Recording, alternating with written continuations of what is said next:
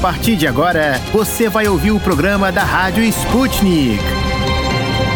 Olá, queridos ouvintes. Meu nome é Ana Levi Esteves e eu tô aqui com o meu colega Pablo Rodrigues para comandar mais um programa da Rádio Sputnik, diretamente de Moscou. Saudações, ouvintes. É um prazer contar com a audiência de vocês nesta sexta-feira, 14 de dezembro. O nosso giro de notícias de hoje começa no Brasil. O Ministério da Saúde encaminhou para a Anvisa um pedido de autorização para o autoteste de Covid-19 em meio ao rápido crescimento de casos da doença no país. Com a medida, o governo quer aumentar a testagem da população. De acordo com o boletim da Fiocruz, Goiânia, Fortaleza, Belo Horizonte e Recife estão em situação crítica em meio à disseminação da variante Omicron. E não é só a Covid-19 que preocupa os brasileiros. As chuvas também não têm dado trégua. Hoje, sexta-feira, dia 14 de janeiro, o governo federal deve editar medida provisória para liberar cerca de 2,3 bilhões de reais para recuperar estradas e cidades atingidas pelas chuvas. A medida provisória teria sido acertada entre o Palácio do Planalto e o ministro da Economia, o Paulo Guedes. Os recursos vão ser direcionados ao Ministério da Infraestrutura para reparos de rodovias e ao Ministério do Desenvolvimento Regional para reconstrução de cidades. Os recursos são necessários, já que nas últimas semanas os municípios da Bahia, do Maranhão e de Minas Gerais registraram chuvas torrenciais que deixaram dezenas dezenas de mortos e milhares de famílias desabrigadas. Nos destaques internacionais, o assessor de segurança nacional da Casa Branca, o Jake Sullivan, comentou o andamento das conversas com a Rússia durante essa semana. Sullivan disse na quinta-feira, dia 13, durante briefing, que os representantes russos foram, aspas, profissionais e eficientes. Segundo Sullivan, aspas, nós obviamente discordamos em certas coisas, mas houve áreas onde ambos os lados Estados veem possibilidades de avançar. Ele também admitiu que tanto Zeua quanto a União Europeia concordam que o caminho diplomático com a Rússia é possível. Pelo visto, valeu a pena sentar à mesa de negociações. E quem está querendo se juntar a essas conversas é a Coreia do Norte, que hoje, sexta-feira, dia 14 de dezembro, lançou dois mísseis balísticos de curto alcance a partir da província de Pyongyang, no norte do país. As informações são da agência de notícias sul-coreana coreana Yonhap. Esse é o terceiro lançamento norte-coreano em 2022. Na quinta-feira, 13 de janeiro, os Estados Unidos propuseram novas sanções contra o país. E Pyongyang respondeu, declarando que, aspas, se os Estados Unidos adotarem tal postura de confronto, a República Popular Democrática da Coreia será forçada a ter uma reação mais forte e determinada. A temperatura subindo lá no Extremo Oriente, caros ouvintes. Mas vamos lá ver o que mais a gente preparou para vocês no programa de hoje? E no programa de hoje.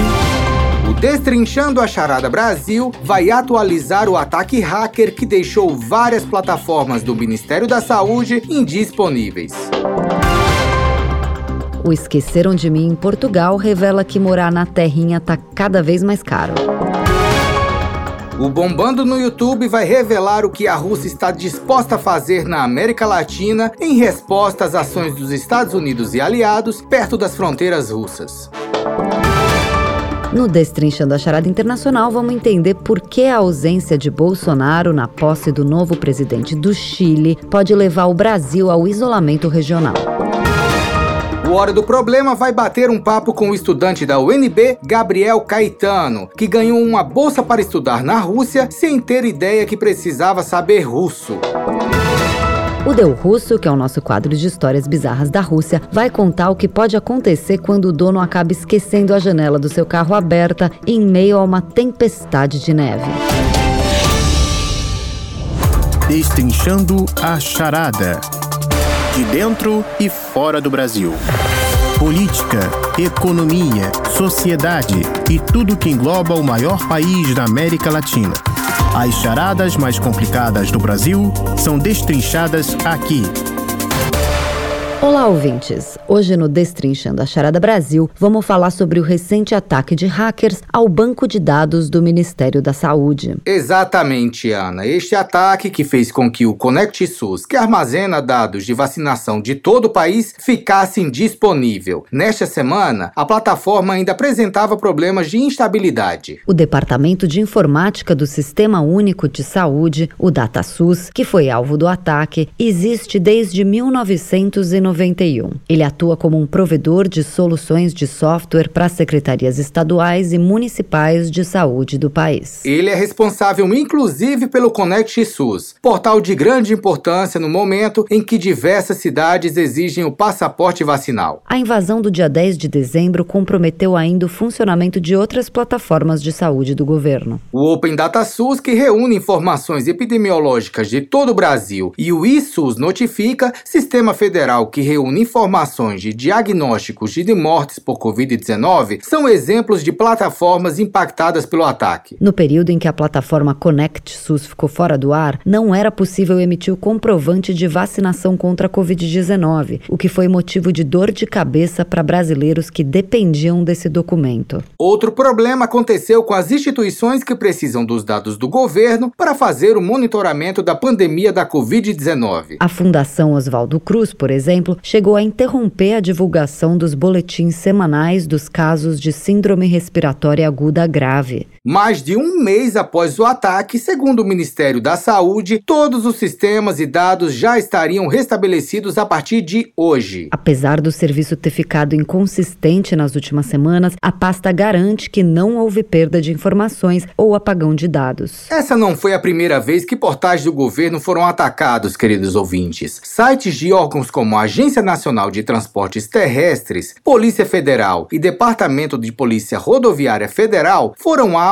de hackers no ano passado. Em 2020, o país bateu recorde de ocorrências cibernéticas. Foram mais de 24 mil casos registrados. Os dados são do Gabinete de Segurança Institucional da Presidência da República. E o governo parece não ter se preparado para isso, Ana. Uma auditoria realizada em maio de 2021 pelo Tribunal de Contas da União identificou que 74 4% dos órgãos da administração federal não têm uma política padrão de backup. Verdade, Pablo. Ainda segundo esse levantamento, 66% das instituições não armazenam arquivos criptografados, o que torna o Brasil um terreno fértil para outros ataques virtuais, segundo especialistas. Para abordar mais esse tema, a gente conversa hoje com o especialista em tecnologia digital, Rodrigo Lago. Olá, Rodrigo. A gente agradece você por estar aqui com a gente na Rádio Sputnik hoje. Você poderia esclarecer para os nossos ouvintes, por favor, qual a importância da segurança de dados em um mundo cada vez mais tecnológico? A gente tem todos os nossos dados em nuvem, estão todos expostos no dia a dia por várias redes sociais,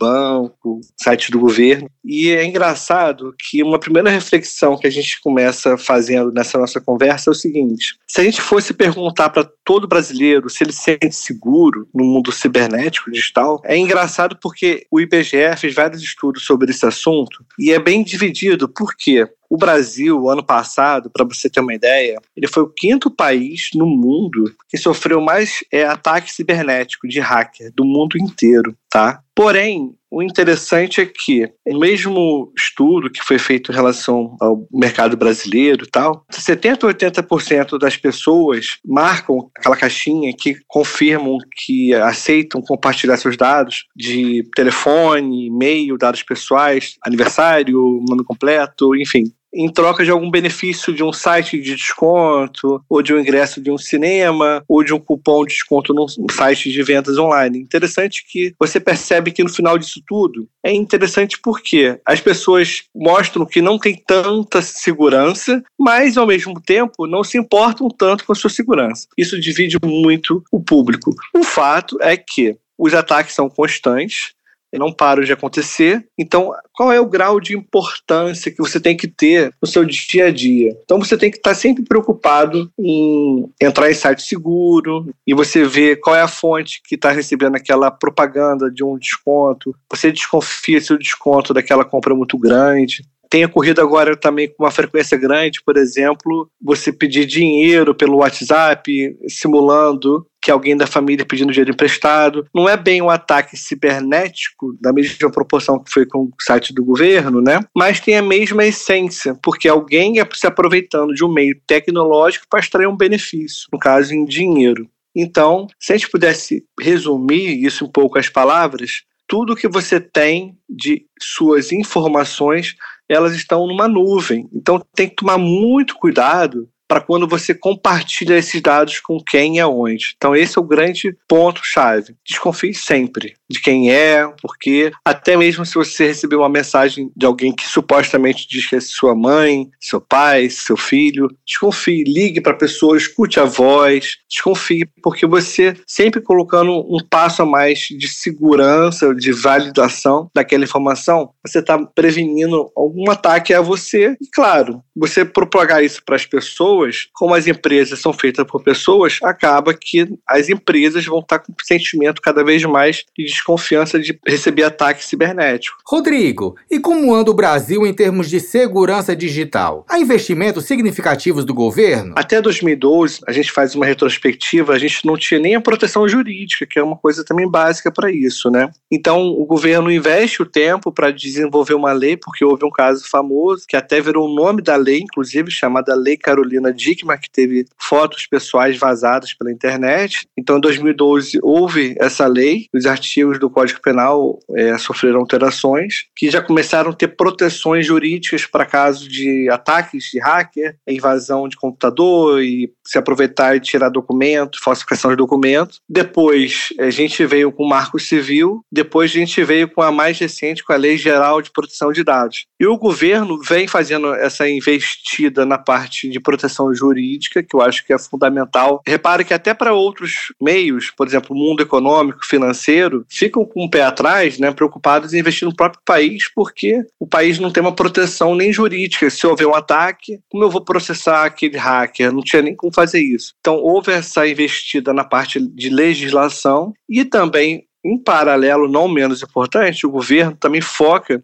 em soluções digitais. Quais são elas? Soluções de controle de acesso aos sistemas que são próprios do governo. Sistemas de previdência, sistemas de saúde, sistemas de aposentadoria, tá? E sistemas de folha de pagamento, que tem os dados dos servidores. Imagina que esses dados são valiosos. Então, você tem que proteger de alguma forma. E os bancos foram forçados a entrar nessa obrigação de controle de segurança elevada. Até porque uma das piores coisas que o trabalhador, imagina todo mundo, né? Tem o seu trabalho suave, recebe seu salário, imagina chegar lá na conta e ver a conta zerada por um ataque cibernético. Então, por conta disso, o governo fez um trabalho forte na legislação e, em paralelo, ele fez um trabalho forte de proteção aos dados através de filtros, de proteções de tecnologias para proteger o acesso às informações. Claro que a gente pode falar sobre o caso do SUS, né, que é famoso e tal, mas enfim, a ideia é que isso se reduza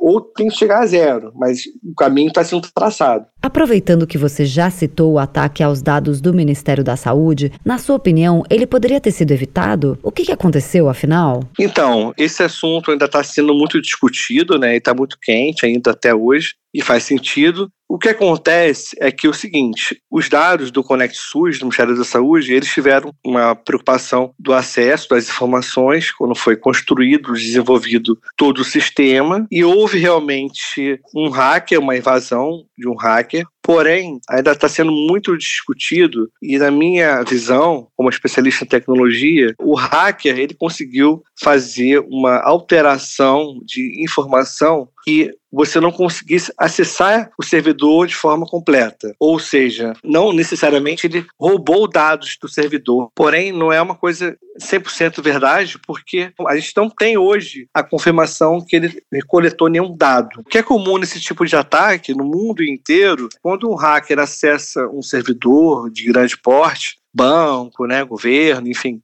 o que é comum fazer é o seguinte: vamos pensar numa coisa que é bem simples de imaginar. Eu, sozinho, entro dentro de um museu, de uma biblioteca, que tem centenas e milhares de livros. Não necessariamente eu consigo levar todos os livros comigo embaixo do meu braço ou na minha mochila, mas eu consigo pegar, por exemplo, uma estante e incendiar ela ou jogar ela no porão, consigo embaralhar, consigo fazer com que os livros sumam, queimando, por exemplo, apagando, enfim. Mas não necessariamente eu roubei os livros. Então, a retirada dos dados até hoje não foi uma coisa confirmada. Porém, a gente não pode dizer que os dados foram deletados ou que a gente diz muito na tecnologia, decodificados, sabe? Eles foram feitos, botaram uma proteção, uma máscara por cima deles. Então eles estão protegidos através, como se fosse uma carta embaralhada. Então você não consegue, se eu pegasse todos os livros de uma estante, tirasse página por página, misturasse todos os livros embaralhados, jogasse no chão, eu não sei mais qual livro é qual. Então isso no mundo da tecnologia, como a gente não está falando de livro, está falando de dados digitais, mostra que eu não consigo ver mais o arquivo original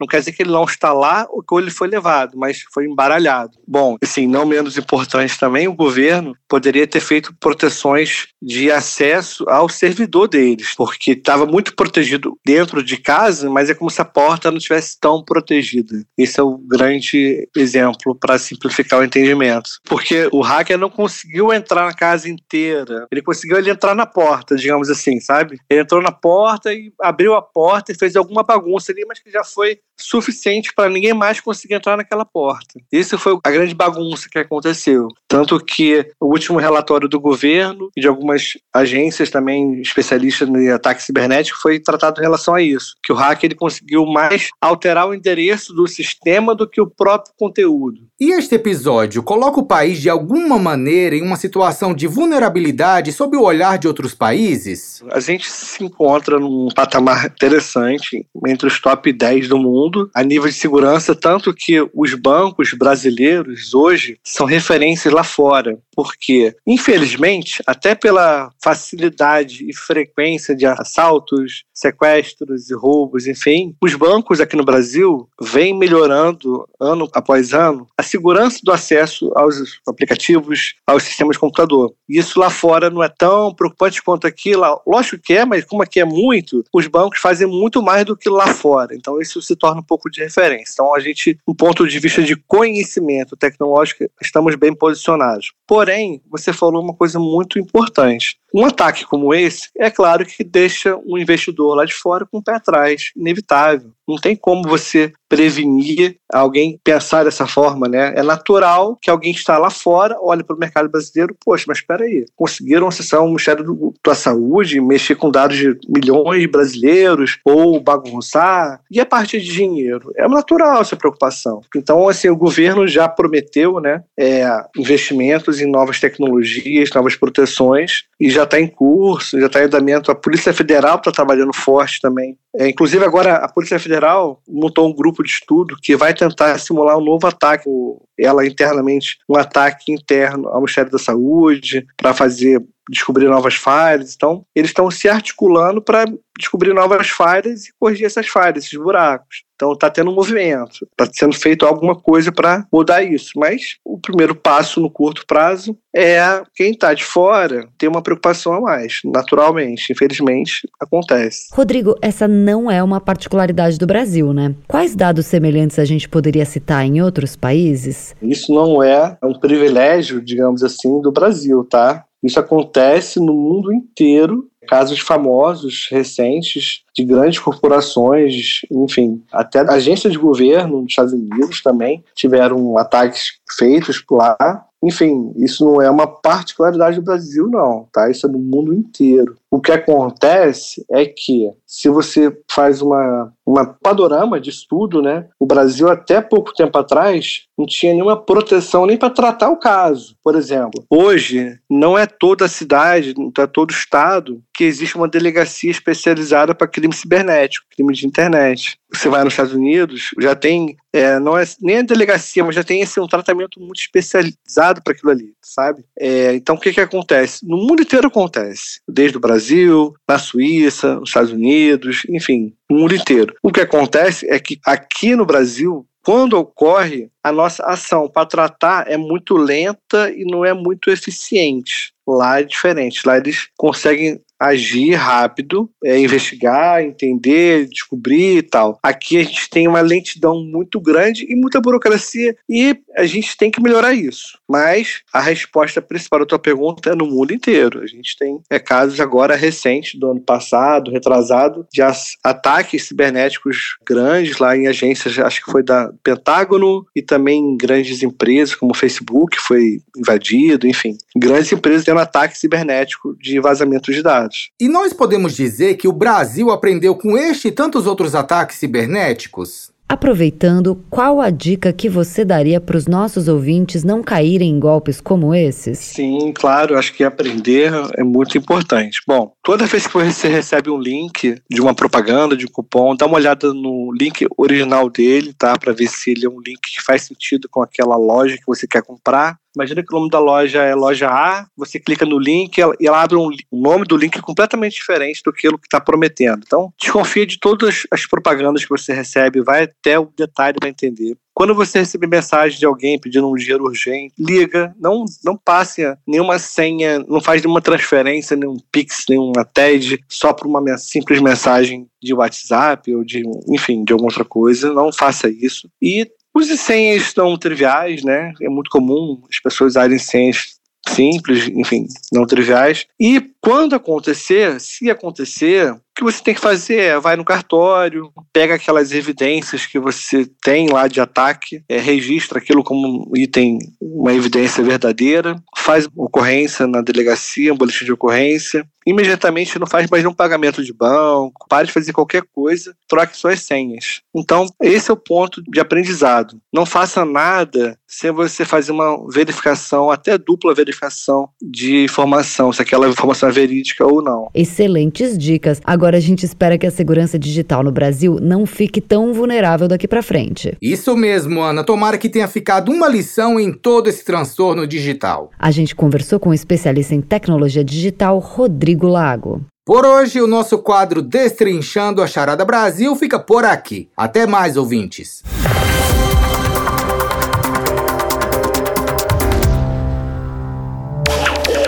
Tem alguma dúvida ou comentário sobre a Rádio Sputnik? Você pode entrar em contato com a gente através do e-mail radio.br@sputniknews.com. Está à procura de notícias com outros pontos de vista e posicionamentos? Curta nossa página no Facebook. É só digitar Sputnik Brasil na busca do Facebook e deixar sua curtida. Esqueceram de mim em Portugal. Senhoras e senhores passageiros, apertem os cintos de segurança porque estamos prestes a decolar rumo a Portugal. A tripulação Sputnik Brasil deseja a todos uma ótima viagem. Chegou a sexta-feira, que coisa boa! Mas a notícia não é das melhores para quem mora ou quer morar na terra de Camões. Quem traz as informações é a nossa correspondente Luísa Ramos. Conta mais, Luísa. Olá, Ana e Pablo. Olá, ouvintes da Rádio Sputnik. Pois é, morar em Portugal ficou mais caro, exatamente 12,2% a mais, segundo um relatório divulgado nesta sexta-feira, dia 14 de janeiro, com base no Índice de Preços Residenciais apurado para dezembro de 2021. O valor das casas disparou nos últimos oito meses do ano passado, pouco depois de ter terminado o confinamento. Sendo assim, o segundo ano pandêmico ficou marcado pela forte valorização das habitações. O crescimento de 12,2% nos preços das casas foi detectado apenas em Portugal continental durante 2021, não sendo consideradas as ilhas portuguesas como a conhecida Ilha da Madeira. De acordo com a Confidencial Imobiliário, este é um dos aumentos anuais mais robustos do mercado desde 2007, se igualando a 2017 e sendo apenas superado pela supervalorização de mais de 15% observada nos anos de 2018 e 2019. Agora, se a comparação for feita com relação ao começo da pandemia, foi constatado que em dezembro de 2021 os preços acumulavam uma subida de 13,7% face ao início da pandemia, lá em março de 2020. Já analisando apenas 2021, verificou-se que no primeiro trimestre o novo confinamento geral deu sequência à tendência de estabilização dos preços de venda de casas. Só a partir de abril é que a subida de preços se intensificou, com aumentos mensais superiores a 1% e uma valorização trimestral de 3,9%. E os brasileiros andam, digamos, ajudando nessa estatística. É que brasileiros que moram nos Estados Unidos têm representado uma fatia relevante na busca por imóveis em cidades portuguesas. A tendência foi confirmada por empresas do setor ao Portugal Giro, do jornal O Globo. Foi verificado o aumento de 11,6%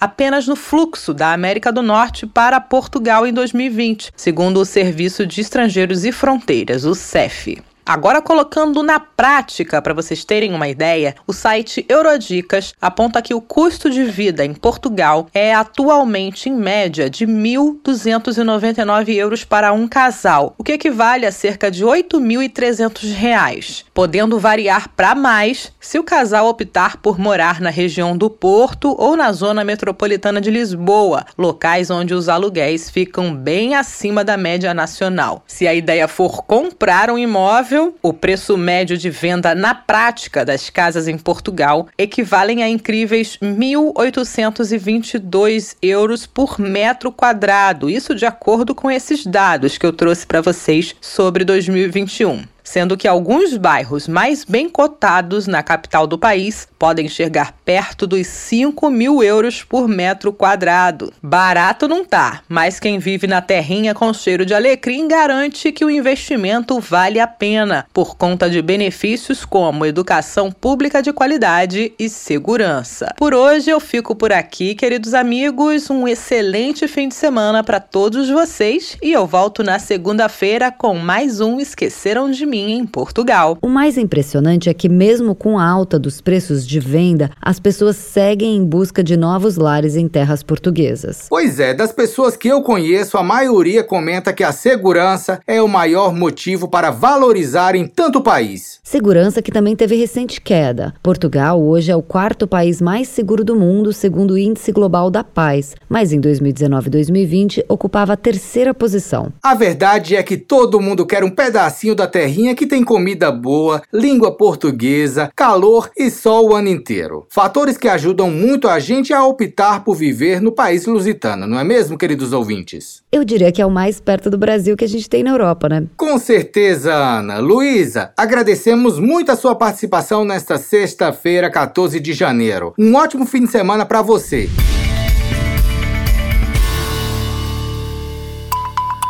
Para ficar por dentro de todas as novidades, tanto mundiais como brasileiras, se inscreva no nosso canal do Telegram. É muito simples. É só você escrever Sputnik Brasil na busca do Telegram e se inscrever para receber as notificações. Bombando no YouTube.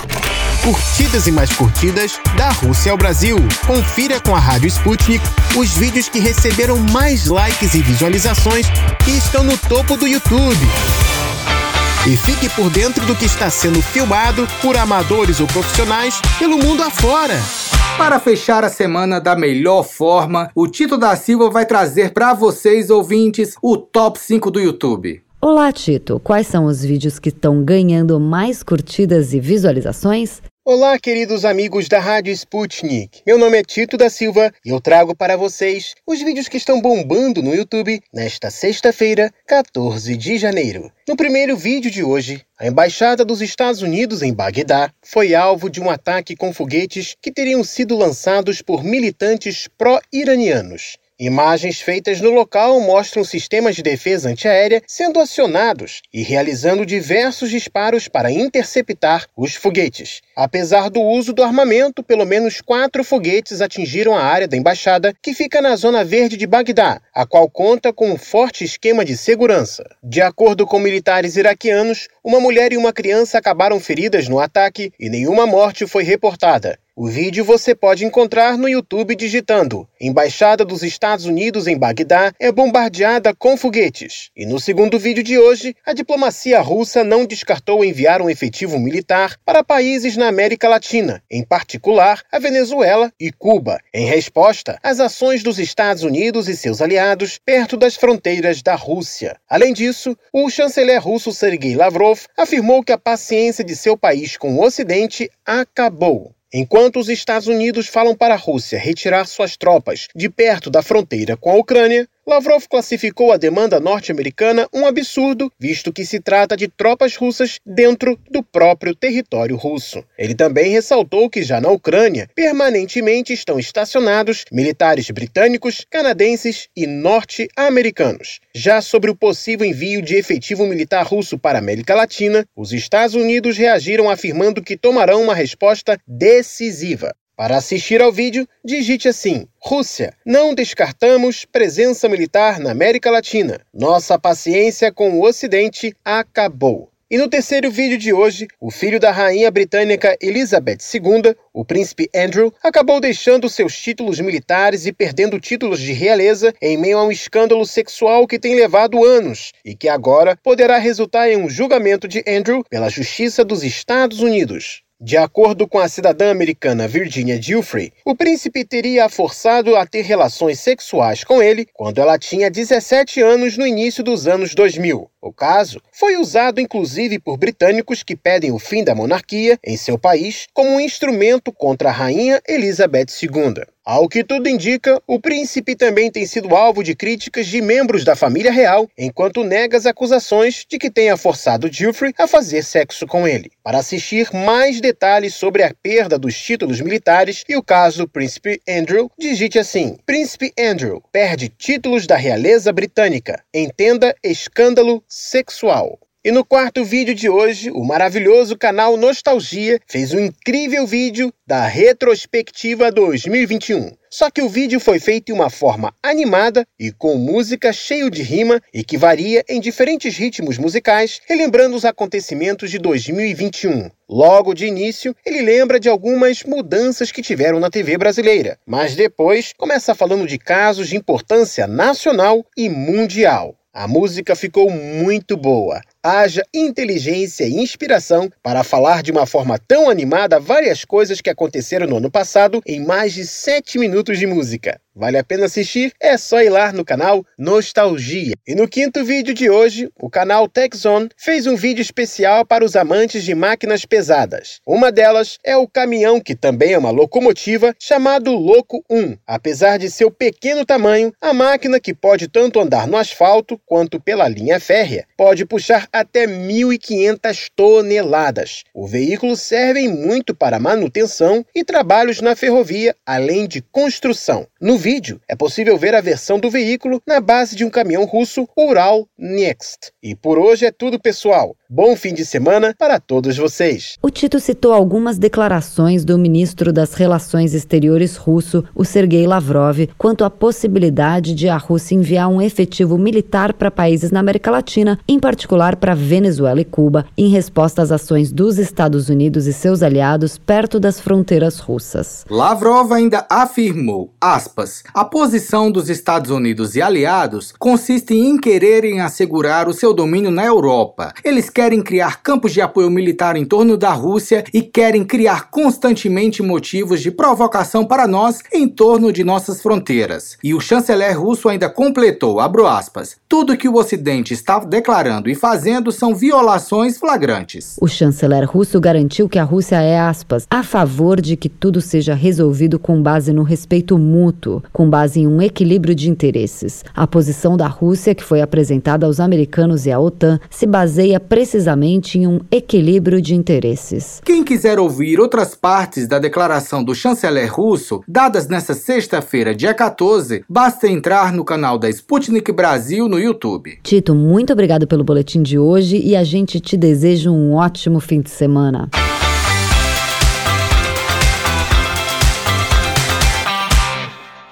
Os vídeos mais esperados estão disponíveis no nosso canal no YouTube. Para encontrá-lo é fácil. É só buscar Sputnik Brasil no YouTube. Aproveitar as imagens e ainda se informar. Destrinchando a charada.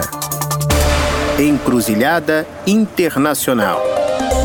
Relações políticas, socioeconômicas e muito mais entre as nações deste mundão. Da Rússia aos Estados Unidos. Encontre com a gente as respostas às perguntas do momento.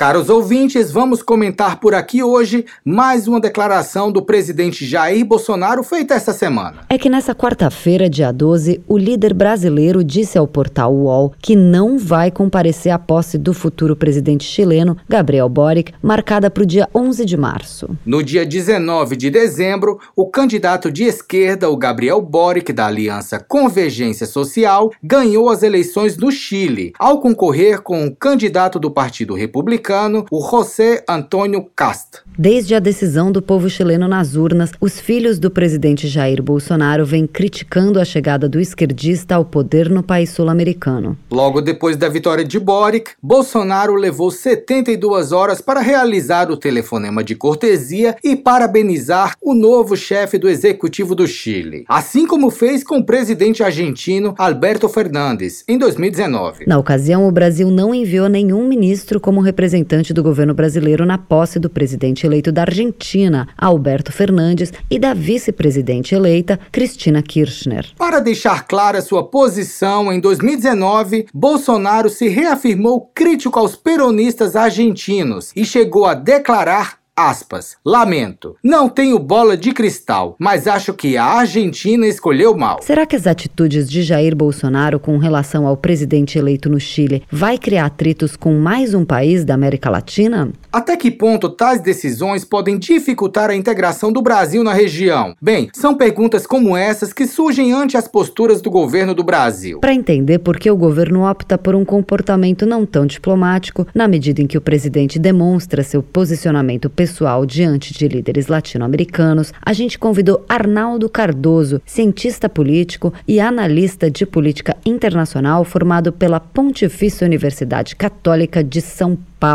Arnaldo, queremos entender por que o atual governo cria relações estremecidas com o Chile mesmo antes da posse do novo presidente. Podemos dizer que o anúncio de não comparecer à posse é um erro da gestão Bolsonaro nos tratos das relações internacionais latino-americanas? Primeiramente, é preciso dizer que a América Latina nunca esteve na agenda de política externa do governo Bolsonaro. A equivocada orientação de alinhamento com os Estados Unidos de Donald Trump que norteou a política externa nos primeiros anos do governo Bolsonaro, subverteu a tradição diplomática brasileira e subordinou os interesses do país a uma visão ideológica que resultou em perda de prestígio regional e global do país. Nos últimos anos, o Brasil abandonou qualquer projeto de liderança regional. Portanto, a decisão de não ir à posse do novo presidente do Chile se integra à extensa série de erros que isolaram o Brasil do mundo. Já não é a primeira vez que o Bolsonaro não comparece à posse de líderes internacionais desde que iniciou seu governo em 2018. Logo em 2019, ficou marcada a primeira vez desde a redemocratização que um presidente brasileiro não esteve presente na posse presidencial da vizinha Argentina. Arnaldo, como que a gente pode analisar essas posturas? Dá para justificar esse tipo de atitude? Desde o começo do governo Bolsonaro, ficou evidente, por várias declarações e ações, um misto de ignorância e desprezo pela institucionalidade e ritos do Estado. Particularmente no campo das relações exteriores, falta-lhes entendimento do que é uma burocracia especializada e a distinção entre governo e Estado. Política externa é coisa de Estado. É construída no longo prazo por meio de negociações visando a convergência e satisfação de interesses das partes. Não pode estar sujeita aos caprichos do governante de plantão. A Argentina é o principal parceiro comercial e político do Brasil na América do Sul. As relações entre os dois países têm uma longa história e são importantes para a estabilidade regional. Independentemente do matiz ideológico dos presidentes, essas relações refletem interesses de diversos setores das respectivas sociedades. Promover a discórdia e atritos com vizinhos é um erro grosseiro. Bom, Ainda em dezembro, o chileno Gabriel Boric afirmou que, em termos de política externa, seu futuro governo vai privilegiar as relações com a Aliança do Pacífico, grupo econômico formado por Chile, Colômbia, Peru e México em detrimento do Mercosul. Pensando nisso, qual a diferença principal entre os dois grupos, Arnaldo? Boric declarava interesse pelo ingresso do Chile como membro efetivo do Mercosul, mas posteriormente, orientado por assessores, passou a informar que a Aliança do Pacífico estaria entre as prioridades da política externa de seu governo. A Aliança do Pacífico, formada em 2012, optou desde o início por um formato mais aberto e com ênfase na liberdade comercial e de investimentos, enquanto o Mercosul sempre visou uma maior integração política no Cone Sul da América do Sul. O governo chileno já que está mais presente no Mercosul, mas parece que hoje esse interesse não está mais em alta não. Com isso, a gente pode dizer que o Mercosul perdeu um pouco a sua relevância no continente? E quais os principais problemas que o mercado comum do Sul vem enfrentando nas relações entre os seus membros? O Mercosul, fundado em 1991, em 1996 passou a ter o Chile como membro associado.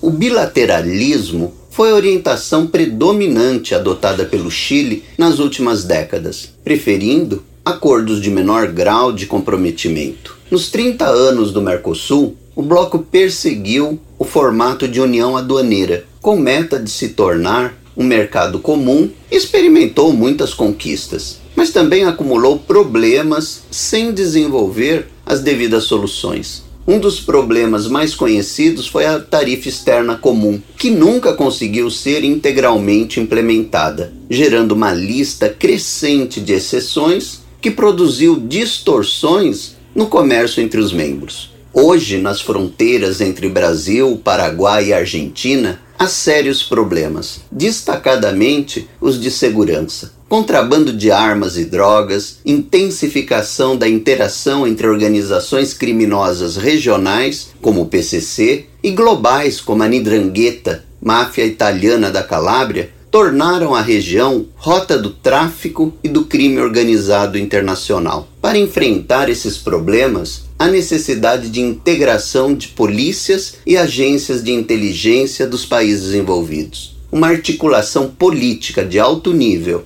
e a permanente cooperação entre governos pode criar as condições para a reversão desse quadro. Arnaldo, na sua opinião, considerando as atuais posturas do líder de governo brasileiro sobre o Chile e a criação do Bloco Pro-Sul em 2019, que tem Brasil e Chile como membros, como podemos analisar as futuras relações dentro do bloco, considerando a negação de Bolsonaro em comparecer à posse de Boric? A atitude de não ir em março à posse do novo governo chileno pode afetar de alguma maneira a corrida eleitoral brasileira nesse ano? Para responder essa pergunta, vou me servir dos resultados das pesquisas mais recentes de intenção de voto para o pleito de outubro no Brasil, o que permite dizer que o governo Bolsonaro entrou em contagem regressiva para o seu fim, sem possibilidades de reeleição. Portanto, pouca influência terá neste ano sobre os rumos das negociações na região e, de modo geral, sobre temas internacionais. E se considerarmos o conteúdo do último discurso de Bolsonaro, lido em reunião por videoconferência entre os presidentes dos países membros do ProSul,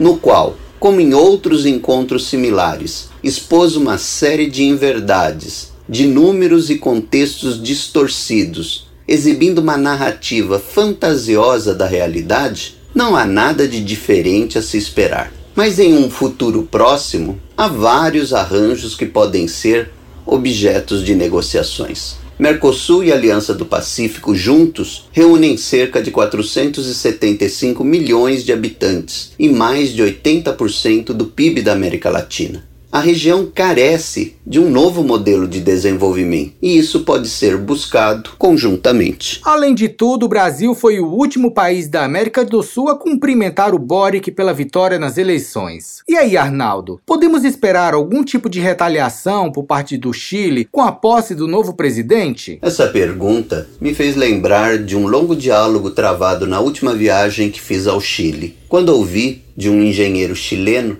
que o Brasil é irrelevante para o seu país e que as atenções se voltavam para o Pacífico, onde estão os países que são o motor da economia global. Vale lembrar que o Chile é o único país da América do Sul que tem um acordo de livre comércio com o Japão. Ele ainda se queixou da precária industrialização do Chile e do foco do país na produção e exportação de frutas, flores, vinhos e minérios como cobre. Ilustrando seu raciocínio, comentou que se tivesse de comprar uma furadeira elétrica, as opções do produto seriam chinesas ou brasileiras. Eu perguntei qual ele compraria diante dessas opções e ele respondeu: o produto brasileiro talvez dure um mês a mais que o chinês. É um pouco melhor. Considero que essa percepção do engenheiro chileno reforça minha afirmação anterior de que a região carece de um novo modelo de desenvolvimento. Uma boa articulação política regional pode favorecer a concepção e implementação de bons projetos e, consequentemente, um melhor posicionamento desse conjunto de países na arena internacional. A realidade global tem renovado a validade da aposta na integração regional. Certo, Arnaldo. Agradecemos muito a sua participação aqui na Rádio Sputnik. Queridos ouvintes, nosso entrevistado foi Arnaldo Cardoso, cientista político e analista de política internacional formado pela PUC de São Paulo. Para quem quiser ler o texto desta entrevista, produzida pela nossa colega Luísa Ramos e escrita em parceria com a Yasmin Scali, é só pesquisar as palavras-chave Chile, governo Bolsonaro, Boric e Mercosul no site br www.sputniknews.com. Aproveita para interagir com o nosso texto e seguir o canal da Sputnik Brasil no Telegram, caros ouvintes. Até a próxima!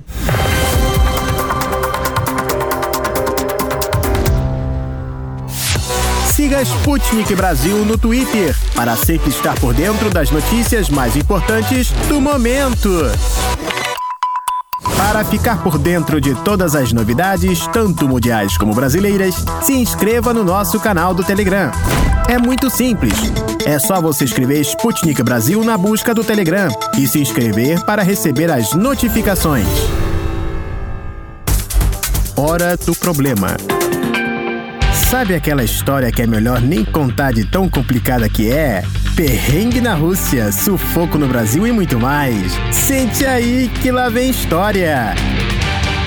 Às vezes, a vontade de estudar fora faz a gente não dar atenção a alguns detalhes, caros ouvintes. Por exemplo, eu lembro que quando eu estava planejando me mudar para estudar em Moscou, acabei me esquecendo de comprar uma coisa importantíssima: um casaco reforçado para aguentar o frio de outubro. Eu cheguei aqui em Moscou com uma jaqueta michuruca que estava mais com cara de ter sido feita para o frio do seridó. Olha, acontece nas melhores famílias, Pablo. E para demonstrar que muita gente passa perrengue na hora de checar todos os detalhes da mudança para Moscou. Vamos conversar com um estudante da Universidade de Brasília e estagiário em tradução no Senado Federal, Gabriel Caetano. Olá, Gabriel. Oi, gente da rádio, tudo bom? Meu nome é Gabriel Caetano, eu tenho 23 anos, sou tradutor e estudante e atualmente moro no Brasil, né? Saí da Rússia e voltei para o Brasil para terminar a faculdade e trabalho, faço estágio no Senado Federal com tradução. Gabriel, é um prazer contar com você aqui na Rádio Sputnik. Quanto tempo e o que você veio fazer aqui na Rússia? Aliás, que detalhezinho acabou passando despercebido durante a sua mudança? Eu passei um ano na Rússia, fui fazer um intercâmbio lá. Eu faço letras tradução em espanhol na UNB, na Universidade de Brasília. Eu moro em Brasília e estudo na UNB. E a UNB ela tem várias oportunidades para intercâmbio e uma delas, todo semestre abre e apareceu. Eu resolvi me inscrever, porque eu sempre tive o sonho de fazer intercâmbio. Me inscrevi para diversas faculdades e vi a Moscow State Linguistic University, MGLU, que é a faculdade onde eu estudava, e o dormitório também da faculdade onde eu morava, na Rússia. Aí fui, me inscrevi, acabei passando. Assim, essa história, o negócio já começou errado, porque eu não sabia que você tinha que saber russo para poder assistir as aulas na faculdade. Ninguém me falou isso aqui no Brasil, ninguém. Só descobri assim, faltando um mês para viagem, de um tudo comprado, passagem comprada, visto tirado, que eu precisava saber russo. E aí eu acabei descascando na minha coordenação da, da faculdade, porque eles não me avisaram, ninguém me avisou sobre isso porque eu era o primeiro aluno que estava indo do Brasil para a Rússia. Até aí eu já fiquei perturbado. Depois disso, eu conversei com o meu coordenador aqui na, da faculdade da Rússia, que era o Nikita, e aí o Nikita me tranquilizou, falou que não, eu seria bom, né, se eu soubesse falar russo, mas, mas como eu não sabia falar russo, ele ia me colocar num programa da universidade, que eu, depois eu descobri que o nome do programa é PADFAC, que é aquele sistema que você entra na faculdade, quando você faz uma faculdade na Rússia, você entra na faculdade, só que você passa um ano estudando russo, estudando algumas matérias da faculdade, antes de começar a estudar as matérias da faculdade em si. E aí, esse um ano que eu fiquei na Rússia foi esse um ano da PADFAC, que eu fiquei estudando, e como a minha faculdade era de linguística, as matérias que eu tinha era russo, eu tinha aula de inglês, apesar de eu saber inglês, especialidade da língua, história da Rússia, cultura russa. Então foi muito interessante por esse sentido. Uma das vantagens de estudar na Rússia é justamente o curso de idioma russo que as universidades daqui disponibilizam para os estudantes estrangeiros. Quando eu cheguei aqui, por exemplo, não falava uma palavra de russo. Então o curso que eu fiz na faculdade preparatória, que foi citado pelo Gabriel e que se chama em russo de PADFAC, me ajudou demais. Gabriel, mas você veio para cá para passar quanto tempo exatamente? E outra pergunta, você continua estudando russo no Brasil? Eu falei antes, eu vim para a Rússia para poder justamente fazer um intercâmbio de um ano. Inicialmente era um intercâmbio de seis meses, só que a minha faculdade, a UNB, ela permite que, caso sobrem vagas né, do intercâmbio, o estudante que está fora ele consegue ficar mais seis meses fora. E aí, como ninguém foi, eu resolvi ficar mais seis meses, que foi bom, porque eu consegui terminar o curso da Patifag, consegui ficar um ano lá, consegui desenvolver bastante meu russo, para quem que não sabe nada, eu, porque quando eu cheguei na Rússia eu não sabia nem falar um, um direito, eu sabia falar meu nome e só. E para evoluir para uma pessoa que consegue escrever uma redação, consegue ter um diálogo inteiramente em russo. Então, esse um ano eu cresci bastante e aprendi bastante do russo. E hoje aqui no Brasil eu continuo, contratei uma professora particular, continuo trabalhando com o russo na sala de aula e estou tentando me aventurar no mercado de trabalho de tradução do russo português. Já fiz alguns trabalhos para poder saber como é que é. Ainda é bem difícil, né, achar esse tipo de trabalho aqui no Brasil. Mas de vez em quando aparece um ou outro e eu consigo fazer. A gente vai embora da Rússia Rússia e o idioma russo continua ligado a gente, não é mesmo, Gabriel? Agora me diz uma coisa: esse idioma é complicado mesmo? Então, o idioma russo ele é extremamente, ele não é um pouco complicado. Para mim, ele é extremamente complicado. Eu acho que a gente do Brasil, que não só a gente do Brasil, mas os lusófonos em geral, os falantes de português, eles têm uma certa vantagem, porque o russo ele tem algumas construções muito parecidas com o português, até as, algumas palavras, os sons, a fonética, ela é muito parecida com o português em alguns casos. Então a gente consegue ter, sair um pouco na frente de outras pessoas. Mas fora isso, que é uma vantagem mínima, o russo para mim é um, a língua mais difícil que eu já estudei. E uma das mais difíceis também. Não acredito que seja mais difícil, porque você é um lugar onde você tem, sei lá, o cantonês, chinês, ou até mesmo o árabe, para mim são mil vezes mais difíceis que o, o, russo em si. Mas o russo eu achei extremamente difícil de aprender. E para mim, o top 3 de, de coisas ruins do russo são os verbos de movimento: o itzi, hadit, yehat, yezit, e todos os outros milhões de outros verbos que tem. Prefixos nos verbos de movimento, para mim foi muito difícil de entender também. Ainda é um pouco difícil de entender também. Bom, vou dizer os casos gramaticais. Uns casos são muito mais fáceis que os outros. Por exemplo, o caso acusativo, para mim, o Vinicius de Padesh, para mim ele é muito tranquilo, porque eu estudei bastante ele, mas outros casos como instrumental, o Tvarnitsny ou o Raditsny Padesh, que são os mais, para mim, bem mais difíceis, são um pouquinho pé no saco, então tem que pensar um pouquinho de falar, tem que rever, tem que estudar constante. Mas para mim, qualquer língua funciona dessa maneira, com você estudando, com você praticando a língua constantemente. Como eu não sabia a língua, quando eu fui para na Rússia, e lá você, eu, uma coisa que eu me espantei, onde você tem pouquíssimas pessoas que falam inglês, então eu tive que me virar. Ou seja, eu aprendi literalmente a marra, aprender a falar o idioma deles e consegui, consegui. Gabriel, esperamos que um dia você tire de letra todos os verbos de movimento do idioma russo. O idioma complicado, caros ouvintes. Queridos ouvintes, esse foi o estudante da UNB e estagiário em tradução no Senado Federal, Gabriel Caetano. Muito obrigada pela sua participação aqui com a gente, Gabriel. Desejamos um próspero 2022 para você, Gabriel, repleto de oportunidades de trabalho trabalho traduzindo o russo no Brasil. Um grande abraço. Está à procura de notícias com outros pontos de vista e posicionamentos? Curta nossa página no Facebook. É só digitar Sputnik Brasil na busca do Facebook e deixar sua curtida. Você já visitou a Rússia e quer contar sua história? É só mandar um áudio de 5 minutos para o e-mail radio.br@sputniknews.com.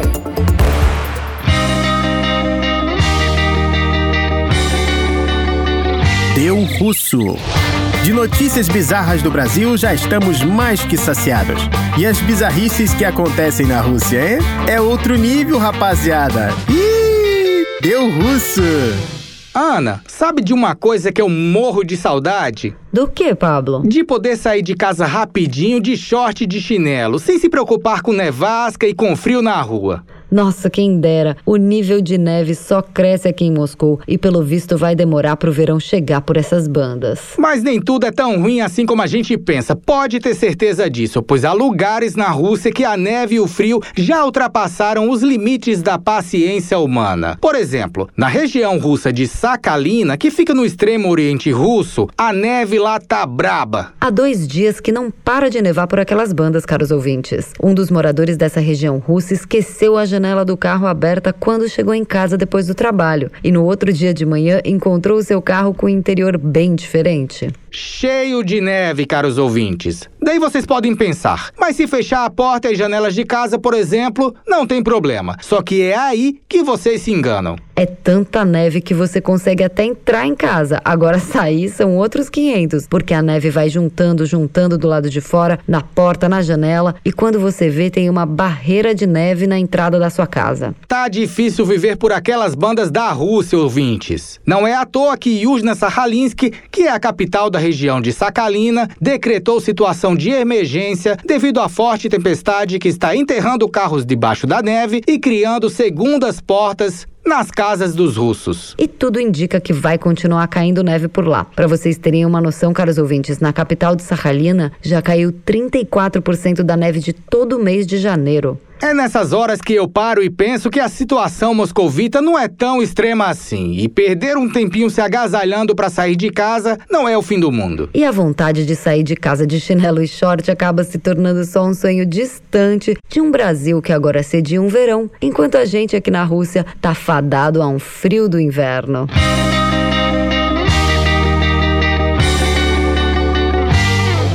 Existe uma coisa que é a cara da Rússia, essa coisa é conserva de legumes. Não existe uma família russa que não tenha boas conservas guardadas na dispensa ou na geladeira. E a imaginação dos russos vai longe. Eles conservam cenoura, repolho, abobrinha e, claro, tomate e pepino. Vocês não têm noção, caros ouvintes. Nos supermercados russos há uma seção só de conservas. É conserva de tomate de um lado, conserva de pepino de outro. O povo para gostar de uma conserva. Eu não vou negar, ouvinte, eu adoro uma boa conserva e para mim as mais gostosas são as caseiras. Então a conserva que acharam na Rússia é pra você, Ana. Escute só. Um russo chamado Gleb encontrou um artefato ímpar no porão de casa. Trata-se de uma conserva de pepinos de 36 anos. Essa conserva foi lacrada em 1986 e passou esse tempo todo no porão da casa desse russo. Daí o que fazer com uma raridade dessas, ouvintes? Quem respondeu abrir e comer errou porque Gleb é um russo empreendedor e sabe muito bem que pepino em conserva na Rússia é vendido. Então a ideia era achar um comprador. Mas esse visionário russo não queria pouco dinheiro não. Pela conserva de pepinos ele estava pedindo 100 milhões de rublos, ou seja, quase 7 milhões e 500 mil reais. Visionário esse russo, viu?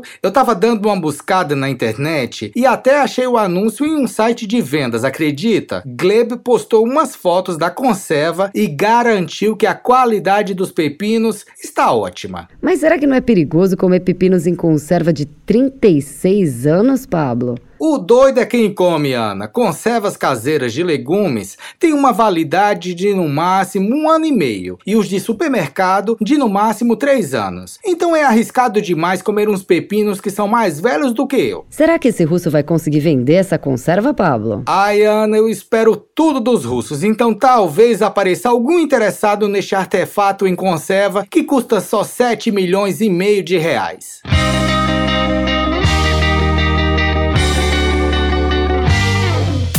Siga Sputnik Brasil no Twitter para sempre estar por dentro das notícias mais importantes do momento.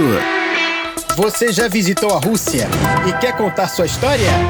É só mandar um áudio de 5 minutos para o e-mail radio.br@sputniknews.com. Hora de dar tchau.